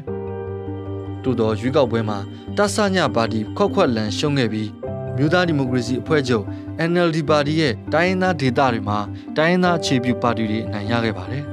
။တိုးတော်ဖက်စစ်စစ်တပ်ဟာလူမှုမဲပေးရွေးချယ်မှုကိုမျက်ကွယ်ပြုပြီးအယုတ်ကန်းဆုံးလုပ်ရအရှက်တရားအကင်းမဲ့ဆုံးလုပ်ရဖြစ် နိုင်ငံအာဏာကိုပြန်သိမ်းယူခဲ့ပါတယ်။1990ရေကောက်ပွဲလွန်2010ခုနှစ်မှာလဲဒုတိယအကြိမ်ဒီမိုကရေစီအရေးခြုံမှုအတွက်ဖက်စစ်စစ်တပ်ဟာထပ်ပြီးစီမံခဲ့ပါတယ်။90ရေကောက်ပွဲတုန်းကအလုံးမဖြစ်ခဲ့တဲ့တာဆညပါတီအစားပြည်ထောင်စုကြက်ခံရေးဖွံ့ဖြိုးရေးပါတီကြံ့ဖို့ပါတီကိုတည်ထောင်ပြီးစစ်တပ်ကဗိုလ်ချုပ်တွေကိုရက်ဝက်လဲယူနီဖောင်းချုပ်ပြီးပြိုင်စီခဲ့ပါတယ်။ ဒီရွေးကောက်ပွဲကို90ရွေးကောက်ပွဲအနိုင်ရခဲ့ကြတဲ့နိုင်ငံရေးပါတီတွေဝင်မပြိုင်ပဲတပိတ်မောက်ဆန့်ကျင်ခဲ့လို့ကြံ့ဖို့ပါတီဟာတစ်ဖက်သက်အနိုင်ရခဲ့ပါတယ်။ဒါကြောင့်လေ60ရွေးကောက်ပွဲလို့အာဏာသိမ်းမှုဖြစ်တော့ပဲစစ်ဗိုလ်ချုပ်ဟောင်းတွေဥဆောင်တဲ့ကြံ့ဖို့ပါတီဟာအစိုးရဖြစ်ဖွဲ့စည်းခွင့်ရခဲ့သလိုဖက်စစ်စစ်တပ်ဟာလည်းအယက်သားအစိုးရလက်အောက်ရှိတဲ့ဖွဲ့စည်းဖြစ်အိန္ဒြေယယအာဏာဆက်ထိန်ထားခဲ့ပါတယ်။စစ်ဗိုလ်ချုပ်ဟောင်းဥဆောင်တဲ့ကြံ့ဖို့ပါတီဟာ အစိုးရဖြစ်ပြီး2015ခုနှစ်မှာတော့နောက်ထပ်ရွေးကောက်ပွဲထပ်မံကျင်းပခဲ့ပါတယ်။ဒီရွေးကောက်ပွဲမှာတော့90အနိုင်ရ NLD ပါတီပြန်ပါခဲ့သလိုအခြားသော90အနိုင်ရတိုင်းသားပါတီတွေလည်းဝင်ရောက်ရှင်ပြိုင်ခဲ့ပါတယ်။ဒီတစ်ခါမှာတော့စစ်တပ်ပုံမြောင်ကြက်ဖို့ပါတီခွက်ခွက်လန်ရှုံးခဲ့ပြီး90ရွေးကောက်ပွဲအနိုင်ရပါတီဟောင်းတွေနေရာပြန်ရလာခဲ့ပါတယ်။2010ကနေ2015အထိအစိုးရအဖွဲ့အတွင်းမိုးကြရွှေကိုစစ်ဗိုလ်ချုပ်တွေနဲ့ အုပ်ချုပ်ရေးရန်နေရာတိစောက်ထားနိုင်မှု2008ခြေဦးအရာစစ်တပ်အာဏာမြဲနေမှုတွေကြောင့်ဒီတစ်ခါမှာတော့အာဏာသိမ်းတာကိုဖက်စစ်စစ်တပ်ဘက်ကမလုပ်ခဲ့ပါဘူး။သို့တော့ဖက်စစ်စစ်တပ်ခေါင်းဆောင်မင်းအောင်လှိုင်ကတော့2008ခြေဦးအရာဒုတိယသမ္မတတီဖြစ်ပိုင်ခွင့်ရှိတဲ့ဂျားကနေနိုင်ငံသမ္မတဖြစ်ချင်ပါတယ်ဆိုတာကိုပေါ်ပေါ်တင်တင်တောင်းဆိုခဲ့ပါတယ်။လိုချင်တာမပေးရင်စစ်တပ်ကအနာသိမ်းနိုင်တယ်ဆိုတဲ့အသံတွေထုတ်ခဲ့ပါတယ်။ သို့တော့အဲ့ဒီကာလအစိုးရဖြစ်တဲ့ NLD ဟာစစ်တပ်အလိုမလိုက်ခဲ့တာကြောင့်နိုင်ငံရေးတင်းမာမှုတွေပြင်းထန်ခဲ့ပါတယ်။ဒီအနေထားကြောင့်ကနေ2020ရွေးကောက်ပွဲကြီးရှိလာခဲ့ပါတယ်။ဒီရွေးကောက်ပွဲမှာလည်းစစ်တပ်ကြောတော့နောက်ခံပေးထားတဲ့ပါတီတွေခွက်ခွက်လန်ရှုံးခဲ့ပြီး NLD ပါတီကနေရာအများစုနဲ့တိုင်းရင်းသားပါတီတွေကလည်းသူတို့ဒေတာတွေမှာအားကောင်းကောင်းနဲ့အနိုင်ရခဲ့ပြန်ပါတယ်။ဒီတစ်ခါမှာတော့ဖက်စစ်စစ်တပ်ဟာသူတို့အရေးခြုံထားတာကိုကိုယ်တိုင်ဆွဲခွာချခဲ့ပြီး ဖက်စစ်တလေဇိုးတိုင်းရွေးကောက်ပွဲရလဒ်ကိုအတိအမှန်မပြုတဲ့အပြင်တက်တမ်းမပြည့်သေးတဲ့အစိုးရတွေကအဖွဲ့ခေါင်းဆောင်တွေကိုဖမ်းဆီးပြီးအာဏာပြန်သိမ်းခဲ့ပါတယ်။နိုင်ငံဟာ1948ခုနှစ်မှာအင်္ဂလိပ်သိမ်းပိုက်ထားတဲ့နိုင်ငံလွတ်လပ်ရေးကိုစစ်ရော်ကြီးကြေးကြီးကြီးပေးပြီးရယူခဲ့ပါတယ်။သို့တော့နိုင်ငံရေးမတည်ငြိမ်မှုဖက်စစ်တရေပါတဲ့စစ်တပ်ရဲ့ရုပ်မာမှုတွေကြောင့်နိုင်ငံဟာလွတ်လပ်ရေးဆိုတဲ့အရာသာကိုဒီကနေ့အထိခံစား권မရခဲ့ပါဘူး။ထိုနည်းတူအ များပြည်သူသဘောထားနဲ့လောက်ကန်ရတဲ့လူထုသားလင်နိုင်ငံအာဏာပိုင်ဖြစ်တဲ့ဆိုတဲ့ဒီမိုကရေစီဆိုတာကိုထိတွေ့ခွင့်မရခဲ့ပါဘူး2010ကနေ2015အထိလူထုမဲပေးရွေးချယ်ခွင့်ရပြီးအစိုးရဖွဲ့စည်းခဲ့ရတဲ့ NLD အစိုးရလက်ထက်မှာတော့အဖက်ဖက်ကနေအာဏာတိဆောက်ထားတဲ့ဖက်စစ်စစ်တပ်ရဲ့ရုပ်ကမ်းရက်ဆက်ကြမ်းကြုတ်တဲ့အစီအမံတွေကြောင့်ဒီမိုကရေစီဆိုတာကို လူထုဟာတီးခွင့်မြင်ခွင့်ကြားခွင့်ရခဲ့တာဖြစ်ပါတယ်။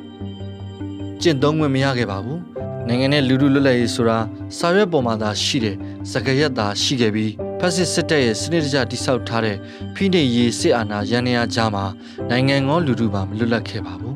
။ဒီကနေ့ဖက်စစ်စစ်တပ်ဟာနိုင်ငံလွတ်လပ်ရေးနဲ့ဒီမိုကရေစီစနစ်စိတ်သုံးဖို့အတွက်အာဏာသိမ်းထားပြီးပါပြီ။သို့တော်လွယ်လွယ်နဲ့တော့မဟုတ်ပါဘူး။လူထုအသက်ပေါင်းများစွာကိုအရက်ဆက်ဆုံး အကြမ်းတမ်းဆုံးတပ်ဖြတ်ပြသလိုနိုင်ငံရေးသမားတွေကိုဆယ်နဲ့ချီတဲ့ထောင်ဒဏ်တွေချမှတ်ပြီးအာဏာသိမ်းထားတာပါ။ဒီဖက်စစ်ဝါဒအတွန့်ရှည်ပြီးစစ်တပ်သားလင်းနိုင်ငံအာဏာပိုင်ဆိုတာပုံဖော်ဖို့လဲအောက်ခြေမှာမတရားတဲ့အမိန့်ညွန်ကြားချက်ဥပဒေတွေနဲ့ဖိနှိပ်နေသလိုလက်နက်ကင်တော်လန်နေတဲ့အင်အားစုတွေကိုလည်းမိဂုံရန်ကုန်အင်အားသုံးပြီးဖြိုခွဲနေပါတယ်။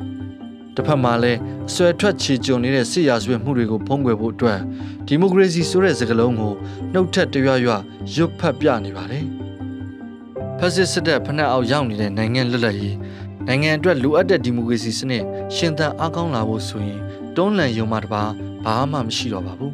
။နိုင်ငံလွတ်လပ်ရေးနဲ့ဒီမိုကရေစီစနစ်ဖြစ်ထွန်းလာဖို့လက်နက်မကင်သောနိုင်ငံရေးတိုက်ပွဲပေါင်းစုံပုံငယ်ရေးတပိတ်တိုက်ပွဲပေါင်းစုံဖြင့် လက်နက်ပါသောလူထုတိုက်ပွဲပေါင်းစုံနဲ့တွန်းလှန်နိုင်မှသာလျှင်နိုင်ငံမှာနှစ်ပေါင်းများစွာဂျိုးကပ်နေတဲ့ဖက်စစ်အာဏာရှင်စနစ်ကိုခွာချနိုင်မှာဖြစ်ပါတယ်။ဖက်စစ်စနစ်ဇိုးကြီးရဲ့စစ်ချိုးကိုအပီးတိုင်ခွာချဖို့အတွက်လဲအားလုံးကပုံကန်ရပါမယ်။အားလုံးကတော်လန်ရပါမယ်။အားလုံးကစန့်ကျင်ရပါမယ်။အားလုံးကပုံကန်နေမယ်တော်လန်နေမယ်စန့်ကျင်နေမယ်ဆိုရင် ဖက်စစ်စစ်ဝါဒတွေနဲ့ဖက်စစ်တရေပါတဲ့စစ်တပ်ကိုအမြင့်ကနေလှန်ထုတ်နိုင်မှုဆိုတာမဝေးတော့တဲ့အနာဂတ်မှာရောက်ကိုရောက်လာပါလိမ့်မယ်။အရေးတော်ပုံအောင်ကိုအောင်ရပါမယ်။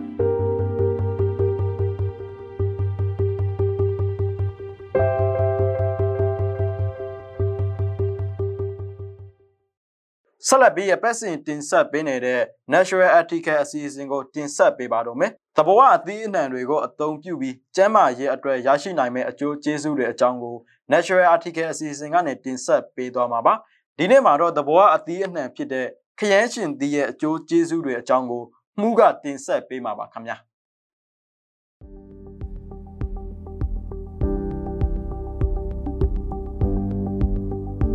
ဘာဝအသေးနှံတွေကိုအသုံးပြုပြီးကျန်းမာရေးအတွက်ရရှိနိုင်မယ့်အကျိုးကျေးဇူးတွေအကြောင်းကို Nature's Article အစီအစဉ်ကနေတင်ဆက်ပေးသွားမှာပါ။နေ့စဉ်စားတောက်နေတဲ့အစားအသောက်တွေထဲမှာအပင်ကနေရရှိနိုင်တဲ့အစားအသောက်ပမာဏပတ်ဝန်းမှုများလေလေနှလုံးရောဂါဆေးကြိုသွေးကြိုရောဂါကင်ဆာရောဂါတွေရဲ့ဖြစ်ပွားနိုင်ခြေကိုလျော့နည်းလေလေဖြစ်ပါတယ်။ဟင်းသီးဟိရတီထဲမှာမှခရမ်းကျင်သီးဟာအာဟာရဓာတ်များပြည့်ဝပြီးတော့ခန္ဓာကိုယ်အတွက်အကျိုးကျေးဇူးများစေတဲ့စူပါအစားအစာလို့ပြောလို့ရပါတယ်။ ခရမ်းကျင်တီကိုမျိုးစုံပြုလုပ်ပြီးတော့စားသုံးနိုင်ပါတယ်။လက်လက်ဆက်ဆက်တုပ်စားခြင်း၊ယူထိုးစားခြင်းဟင်းအနေနဲ့ပြုလုပ်ပြီးတော့စားသုံးခြင်း socks အနေနဲ့ပြုလုပ်ပြီးတော့စားခြင်းစသဖြင့်ပုံစံမျိုးစုံနဲ့စားသုံးနိုင်ပါတယ်။ခရမ်းကျင်တီကပေးတဲ့အကျိုးကျေးဇူးတွေကိုလည်းဖော်ပြပေးလိုပါတယ်။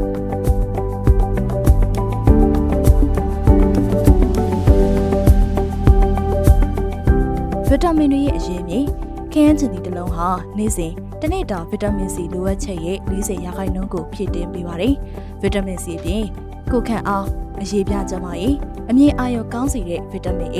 အယိုးကျမရေးကောင်းမွန်စေတဲ့ဗီတာမင် K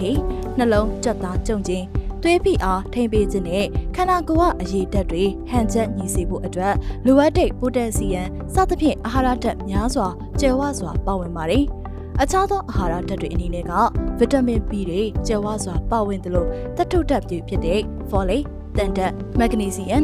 chromium, zinc ဓာတ်နဲ့ phosphate ဓာတ်တို့လည်းပါဝင်ပါသေးတယ်။နှလုံးကျန်းမာရေးကိုကာကွယ်ပေးခြင်းခရဲကျင်ဒီမာကလိုက်ကိုပင်ဗီတာမင် C ဗီတာမင် A စသဖြင့်အားကောင်းတဲ့ဓာတ်တိုဆန့်ကျင်ပစ္စည်းတွေဟာနှလုံးရောဂါလိုမျိုးနာတာရှည်ရောဂါတွေဖြစ်ပေါ်စေနိုင်တဲ့အန်တီရဲ့ပေးနိုင်တဲ့ free radical တွေကိုတိုက်ထုတ်ပေးဖို့အတွက်ကူညီပေးပါတယ်။ သုတေသနစမ်းသပ်ချက်တွေအရနှလုံးကျန်းမာရေးကောင်းစေဖို့အတွက်လိုက်ကိုပင်ပါဝင်တဲ့အားဖြည့်ဆေးတွေကိုတောင်းမဲ့အစားခရမ်းချင်တီကိုများများစားဖို့အကြံပြုထားပါတယ်။နောက်ထပ်တွေ့ရှိချက်တစ်ခုမှာတော့သွေးထဲမှာကလိုက်ကိုပင်ဓာတ်တွေများခြင်းနှလုံးရောဂါစီးကျိုသွေးကျိုရောဂါနဲ့လေဖြတ်ခြင်းတွေလိုမျိုးယောဂဖြစ်နိုင်ခြင်းများသူတွေနဲ့ဇီဝဖြစ်စဉ်ဆိုင်ရာယောဂရှိသူတွေကိုတိမ်နှုံးကိုကျစေတယ်လို့ဆိုပါတယ်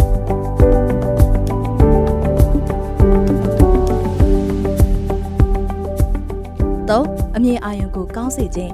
ကန်းချင်ဒီမှာကမျက်လုံးကျန်းမာရေးကောင်းစေတဲ့လိုက်ကွန်ပင်းပါဝင်တယ်လို့လူတင်းနဲ့ဘီတာကယ်ရိုတင်းတွေလည်းပါဝင်တာကြောင့်အမြင်အာရုံကိုကောင်းစေတယ်လို့မျက်စိအတွင်းတွေကြက်မြတ်တင်ခြင်းနဲ့အသက်ကြီးသူတွေမှာဖြစ်တတ်တဲ့အမြင်အာရုံပျက်စီးခြင်းတွေအပါအဝင်မျက်လုံးယောဂါတွေကိုကာကွယ်ပေးပါတယ်ကွန်ပျူတာအသုံးများတဲ့သူတွေဟာခရမ်းကျင်တီကိုစသုံးပါကအမြင်အာရုံကိုကောင်းစေနိုင်ပါတယ်။၄အစာချေစနစ်ကိုကောင်းမွန်စေခြင်း ခရမ်းကျင်တီမှာပါဝင်တဲ့အမျက်တန်းနဲ့ရေတွက်ကြွားခြင်းတွေဟာအစာချေစနစ်ကိုကောင်းမွန်စေခြင်းဝမ်းချုပ်ခြင်းမဖြစ်အောင်ကူညီပေးပါတယ်။ American အစားအသောက်နဲ့ဆေးဝါးကုတ်ကဲယူတွေမှာခရမ်းကျင်တီတစ်လုံးမှာအရေး6အောင်စနဲ့အမြင့်တက်1.5 g ပါဝင်တယ်လို့ဖော်ပြထားပါတယ်။တကုတ်တိထားမှာကတော့အစာရင်အချင်းပေါက်ယောဂရှိတဲ့သူတွေနဲ့အဆစ်အထွက်များတဲ့သူတွေကတော့ခရမ်းကျင်တီမှာပါဝင်တဲ့အချင်းတက်ကြောင့်ယောဂကိုပို့ပြီးတော့ဆိုးရစေပါတယ်။ စီးကြိုသွေးကြိုယောဂတွေကိုကူညီပေးခြင်းခဲချင်တီဟာအမျိုးအစားနှစ်စီးကြိုသွေးကြိုယောဂရှိတဲ့သူတွေအတွက်ကာကွယ်ပေးနိုင်တဲ့အစားအသောက်ပဲဖြစ်ပါတယ်။စမ်းသပ်ချက်တစ်ခုမှာတော့စီးကြိုဝေဒနာရှင်တွေမှာခဲယမ်းချင်တီနဲ့ပြုလုပ်ထားတဲ့ဖြည့်ဆွတ်အားဆေးတွေကိုရက်30ကြာတောက်ခြင်းဟာနှလုံးယောဂဖြစ်နိုင်ခြင်းကိုများစေနိုင်တဲ့မကောင်းတဲ့ free radical တွေကိုနည်းစေကြောင်းတွေ့ရပါတယ်။စီးကြိုယောဂဝေဒနာရှင်တွေမှာနှလုံးယောဂနဲ့လေဖြတ်ခြင်းတွေဟာတာမန်လူထက်ကိုပိုပြီးနှစ်ဆပိုပြီးဖြစ်နိုင်ပါတယ်။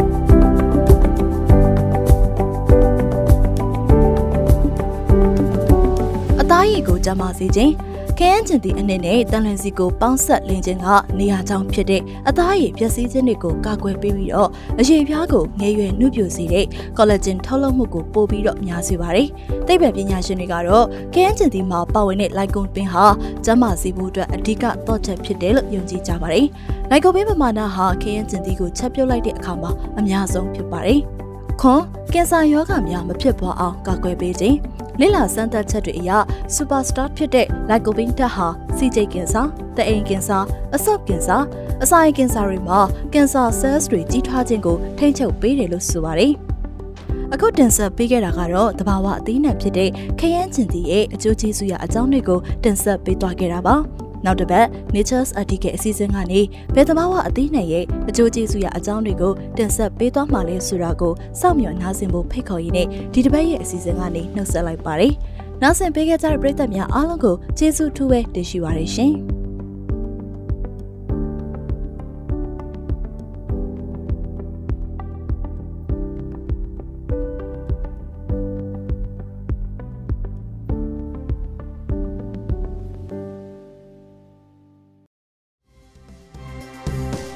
မြစီမရေဒီယိုကိုနေ့စဉ်ညနေ6နာရီခွဲမှ9နာရီခွဲအထိတိုင်းတူမီတာ16မီတာ7.3တက်မှခွန်3မဂါဟက်စ်ကနေပြီးဖမ်းယူနိုင်စင်နိုင်ပါပြီ။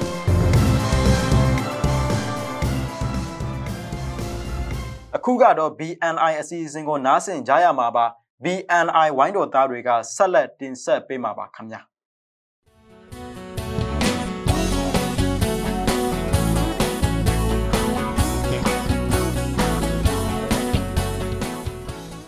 မင်္ဂလာပါရှင်နိုင်ငံတကာမြန်မာသတင်း PNN ရဲ့ဒီကနေ့ဖေဖော်ဝါရီလ9ရက်နေ့အတန်လွင့်အစီအစဉ်တွေကိုစတင်နေပါပြီဒီအစီအစဉ်ကတော့တိုင်းသားဒေသတွေတဲကသတင်းတွေတိုင်းသားတွေရဲ့အတန်နဲ့အမြင်တွေကိုစုစည်းတင်ဆက်ထားတာဖြစ်ပါတယ်နေ့စဉ်မြန်မာစံတော်ချိန်ညနေ9:15မိနစ်ကနေ9:00ခွဲအထိလိုင်းတူ16မီတာ19.3မီတာဟတ်မှာဖမ်းယူနားထောင်နိုင်ပါတယ်ဒီမှာကအလူပါ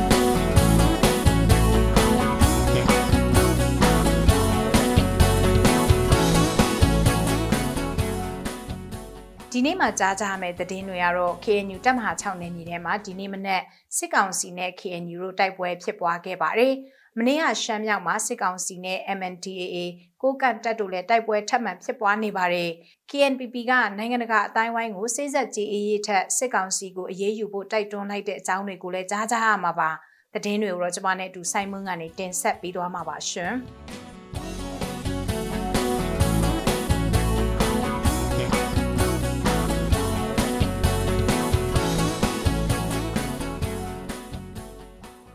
ကရင်မြို့တာစီယုံ KNU ဒူးပလာယာခရိုင်တပ်မဟာ6နယ်မြေထက်ကဒီကနေ့မနေ့ပိုင်းစစ်ကောင်စီတပ်ဖွဲ့ဝင်တွေနဲ့ကရင်မြို့တာလွတ်မြောက်ရေးတပ်မတော် KNL တပ်ဖွဲ့ဝင်တွေအကြားတိုက်ပွဲဖြစ်ပွားခဲ့ပြီးထိခိုက်ကြဆုံးမှုတွေရှိခဲ့တယ်လို့ဒေတာခန်တည်င်းအရင်းမြစ်တွေစီကသိရပါတယ်။ KNL တပ်ရင်းဆက်ခုနယ်မြေအတွင်းကိုဒီကနေ့မနေ့မိုးမလင်းခင်အချိန်ကစစ်ကောင်စီဘက်ကအင်အားလုံးရင်းနဲ့ဝင်ရောက်လာခဲ့ပြီး KNL တပ်ရင်းဆက်ခွန်လက်အောက်ခံတပ်ခွဲနှစ်တပ်ဖွဲ့ဝင်တွေနဲ့ထိတွေ့တိုက်ပွဲဖြစ်ပွားခဲ့တာဖြစ်တယ်လို့ဒေတာခန်ရင်းမြစ်က KIC သတင်းဌာနကိုပြောပါတယ်။ကြာရင်အခြေဆိုင်အမြောက်တပ်ကလည်းနဲ့ကြီးသုံးလုံးပစ်ခတ်ခဲ့ပြီးလူနေအိမ်တစ်လုံးထိမှန်ခဲ့ပြီးတော့အိမ်မွေးတိရစ္ဆာန်တချို့လည်းထိမှန်ခဲ့တယ်လို့သိရပါတယ်။ဒီလိုတိုက်ပွဲဖြစ်ပွားပြီးတဲ့နောက်အဲ့ဒီတိုက်ပွဲဖြစ်ပွားတဲ့နေရာကိုစစ်ကောင်စီဘက်ကစစ်ကားတွေနဲ့ထပ်ပြီးရောက်ရှိလာပြီးတိုက်ပွဲကြောင့်ဒေသခံလူထုတွေပေးလွတ်ရာကိုထွက်ပြေးတိမ်းရှောင်နေရတယ်လို့ဆိုပါတယ်။တိုက်ပွဲဖြစ်ပွားချိန်မှာမိနစ်ပိုင်းဖြစ်ပွားခဲ့တယ်ဆိုပေမဲ့လက်နက်ကြီးတွေနဲ့ပစ်ခတ်တဲ့နောက်နှစ်ဖက်ပစ်ခတ်မှုရပ်တန့်သွားခဲ့ပါတယ်။တိုက်ပွဲဖြစ်ပွားပြီးတဲ့နောက်စစ်ကောင်စီဘက်က လူနာတင်ရင်တွေကိုအသုံးပြုမှုတွေတွေ့နေရတဲ့အတွက်ထိခိုက်ကြဆုံးမှုရှိနိုင်တယ်လို့လည်းဒေတာခန်တွေကခန့်မှန်းပြောဆိုကြပါတယ်။ရှမ်းပြည်နယ်မြောက်ပိုင်းအဝေးပြေးလမ်းမပေါ်မှာရှိတဲ့နမ်ဖတ်ကာနဲ့ခိုမုံရွာကြားမှာဖေဖော်ဝါရီလ10ရက်နေ့မနေ့ကစစ်ကောင်စီနဲ့ကိုကန့်တက်မတော် MMDA တို့ကြားတိုက်ပွဲဖြစ်ပွားခဲ့တယ်လို့ဒေသခံတွေစီကနေသိရပါတယ်။ဖေဖော်ဝါရီလ10ရက်နေ့ည10:45မိနစ်ဝန်းကျင်အချိန်လောက်ကစပြီးတော့ နံဖက်ကဘက်ကနေမုံကိုဖောင်းဆိုင်ဒေသဘက်ကိုတက်လာတဲ့စစ်ကောင်စီရဲ့ကားအစီး30ကိုခုံမုံကြီးရွာအနီးမှာကိုကန့် MNDA တက်ကတိုက်ခိုက်ခဲ့တာကြောင့်တိုက်ပွဲဟာတနအီကျော်အကြာလောက်ဖြစ်ပွားခဲ့တယ်လို့ဆိုပါတယ်။အဲ့ဒီကားတွေဟာမုံကိုဖောင်းဆိုင်ဘက်ကိုသွားမဲ့ကားတွေဖြစ်နေတယ်လို့ရှေ့ရန်သတင်းအရင်းမြစ်တွေစီကနေလည်းသိရပါတယ်။နှစ်ဖက်ထိခိုက်မှုအခြေအနေတွေကိုမသိရသေးကြောင်းနဲ့ဒီနေ့မနက်ပိုင်းမှာတော့တိုက်ပွဲတန်တွေငြိမ်သက်နေတယ်လို့ဒေသခံတွေကဆိုပါတယ်။ လက်ရှိအဲ့ဒီဒေသမှာစစ်ကောင်စီတပ်စစ်ကောင်စီလက်အောက်ခံပြည်သူစစ်တပ်ဖွဲ့တွေ KIA TNLA MNDA တို့ပုံမှန်သွာလာလှုပ်ရှားနေကြပါတယ်မြန်မာနိုင်ငံရဲ့ကုန်သွယ်ရေးလမ်းကြောင်းတစ်ခုဖြစ်တဲ့မူဆယ်မန္တလေးပြည်ထောင်စုလမ်းမကြီးတစ်လျှောက်မှာစစ်ကောင်စီတပ်နဲ့တိုင်းသားတော်လှန်ရေးတပ်တို့ကြားမှာထိတွေ့တိုက်ပွဲတွေပုံမှန်ဖြစ်နေတာဖြစ်ပါတယ်ရှင်။ကချင်ပြည်နယ်ပူတာအိုမြို့နယ်လုံရှာယန်ကျေးရွာရှိပြည်သူတွေလက်ရှိစစ်ရေးအခြေအနေအရထွက်ပြေးတင်းရှောင်နေရပြီး နပက်တက်စစ်ရေးအခြေအနေပုံမတင်းမာလာမှာကိုစိုးရိမ်နေကြပါတယ်။ကျေးရွာနေပြည်သူတွေကနေရစွန့်ခွာထွက်ပြေးနေကြပြီးတောတွင်းထဲမှာနေရထိုင်ခင်းခက်ခဲမှုတွေဒါမက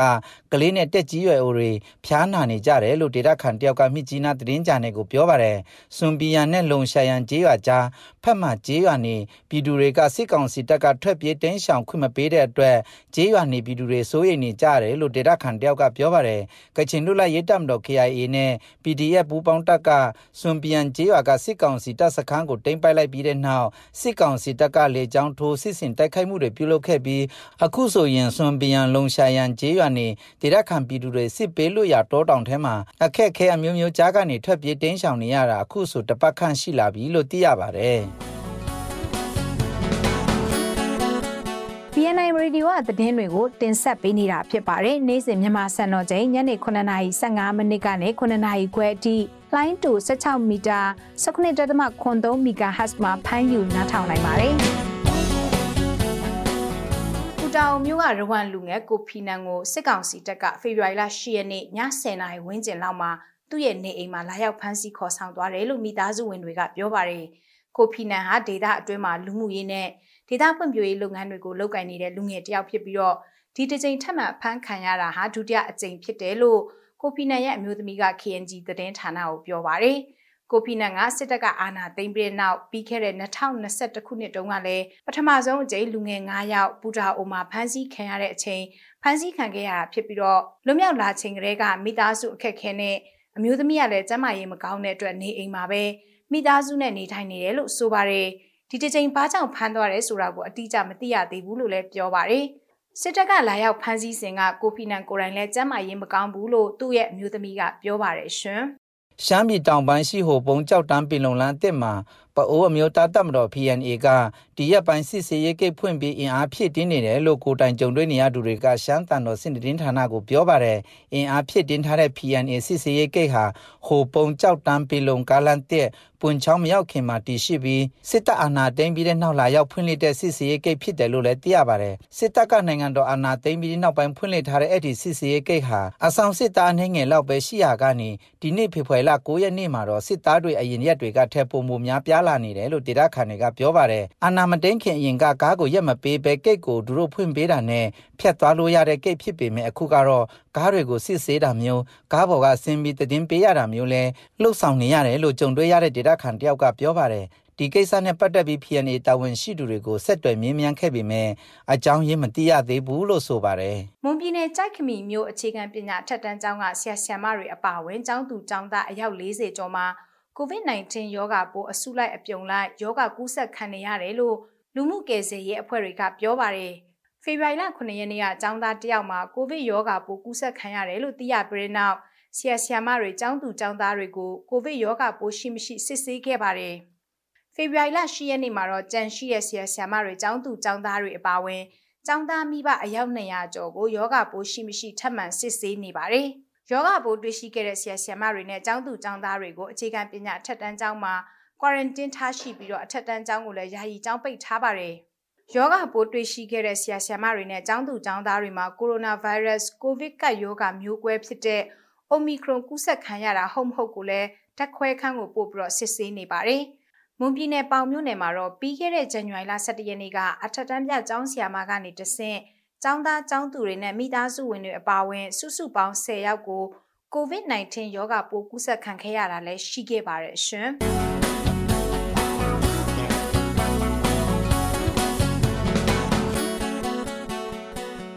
အခုတော့သတင်းလွှာတွေကိုဆက်လက်တင်ဆက်ပေးသွားမှာပါ။ရေးမြို့နယ်ကကိုရင်လေးဆရာတော်ဦးဆောင်ဖွင့်လှစ်ထားတဲ့အခမဲ့ကျန်းမာရေးဆောင်ရှောက်မှုစည်းကမ်းဟာစေဝါတွေဈေးတက်လာတဲ့အတွက်ရှေ့ဆက်ပြီးဖွင့်လှစ်ဖို့အခက်တွေ့နေရတယ်လို့ စီမံခန့်ခွဲရေးကော်မတီကပြောပါတယ်။မိဒေစီကအသေးစိတ်ပြောပြထားပါတယ်ရှင်။ကြိုက်တိန်မော့ပရာတာသနာပြုနယ်မြေကအခမဲ့ကျန်းမာရေးစောင့်ရှောက်မှုဈေးကမ်းဟာဒေသအတွင်းကပြည်သူတွေကိုအခမဲ့စေကုသပေးလာခဲ့တာတစ်နှစ်ပြည့်ခဲ့ပါပြီ။အခုချိန်မှာဆေးတွေဈေးတက်လာတဲ့အတွက်အခက်ခဲကြုံနေရတယ်လို့ဆိုပါတယ်။ဒါမဲ့လည်းအခုချိန်မှာတော့အခက်ခဲတွေကြားက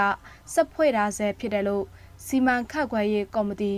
ဦးအောင်နိုင်ဝင်းကအခုလိုပြောပါရယ်ဒီခမဲ့ကြမ်းမတ်ရေးဆောက်ရှောက်မှုဈေးခံဟာဒေတာခံပြည်သူတွေရဲ့အလူငွေတွေနဲ့လဲပတ်နေတာဖြစ်ပြီးအခုချိန်ထိလာရောက်ကူတာတဲ့လူနာတွေအနေနဲ့ကတော့ဈေးခံကိုရက်နားတာမျိုးပိတ်ထားတာမျိုးမဖြစ်စေချင်ဘူးလို့ဒေတာခံတွေကပြောပါရယ်စေကမ်းမှာလောက်အားပေးဆောင်ရွက်နေတဲ့ဆေးဆရာနိုင်ဟောင်းမန်က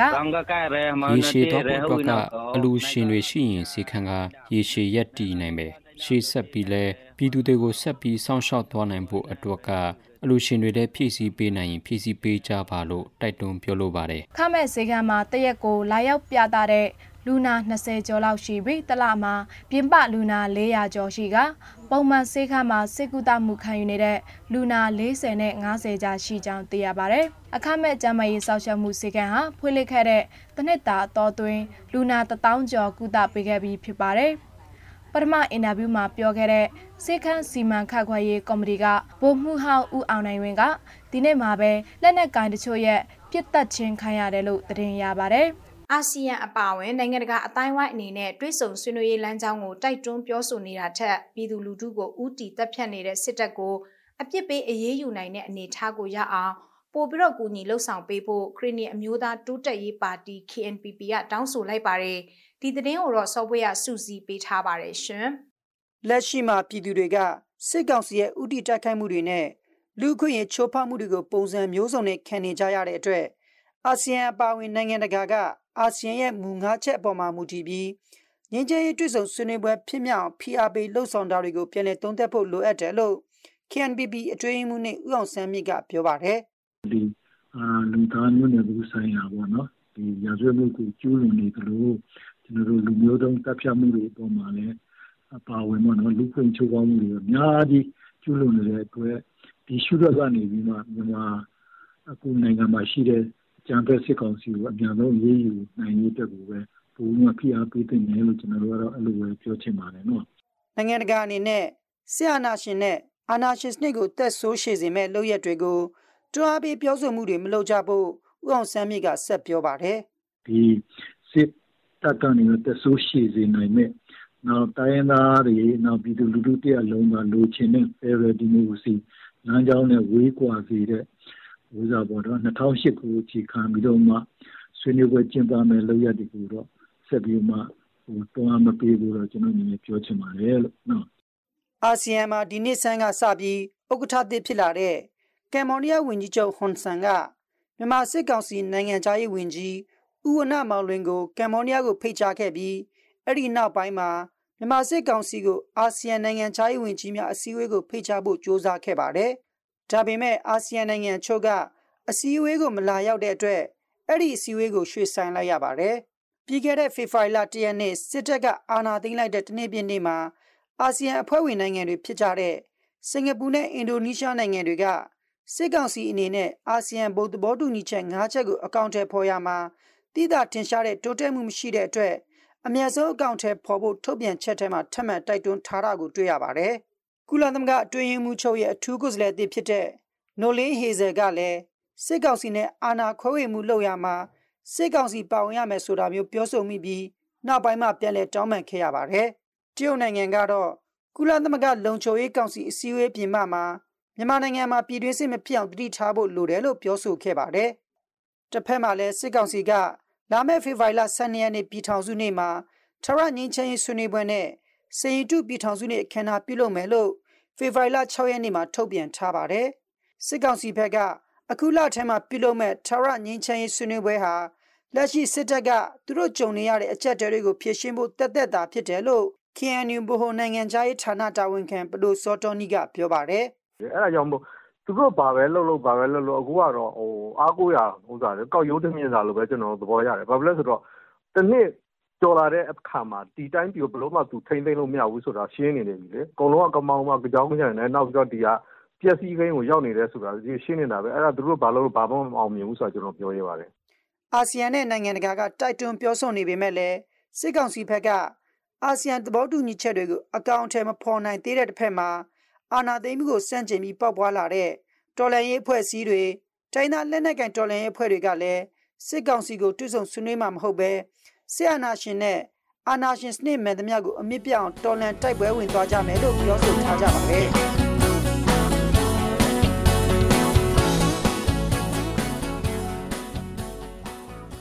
အခုနားဆင်ခဲ့ကြရတာကတော့ BNI Radio ကနေ့စဉ်သတင်းအစီအစဉ်ပဲဖြစ်ပါတယ် ဒီအစီအစဉ်ကိုနေ့စဉ်မြန်မာစံတော်ချိန်ညနေ9:15မိနစ်ကနေ9:00ခွဲအထိ15မိနစ်ကြာထုတ်လွှင့်နေတာဖြစ်ပါတယ်။နားဆင်ပေးတဲ့အတွက်ကျေးဇူးတင်ပါတယ်ရှင်။ကျွန်မကအမီပါ။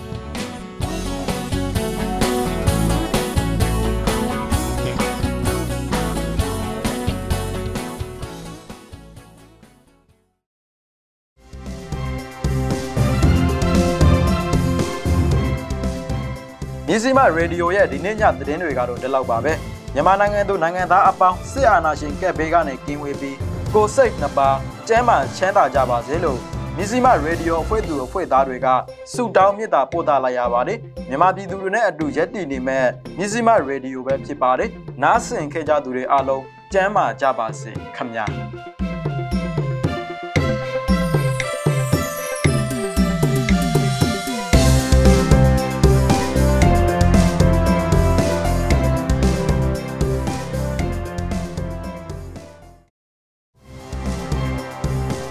မတို့ရဲ့မြစီမရေဒီယိုကိုနေ့စဉ်ည6နာရီခွဲမှည9နာရီခွဲထိလိုင်းဒိုမီတာ16မီတာစက္ကွန်တသမခွန်3 MHz ကနေပြီးတော့ဖမ်းယူနားဆင်နိုင်ပါပြီ။မြစီမရေဒီယိုကိုနားမစင်လိုက်ရတဲ့သူတွေအနေနဲ့မြစီမ News and Farming Page 108 Page မြစီမ YouTube Channel Mizima website podcast application podcast Anchor podcast တွေမှာလည်းပြန်လည်နှာစင်လို့ရပါတယ်နော်။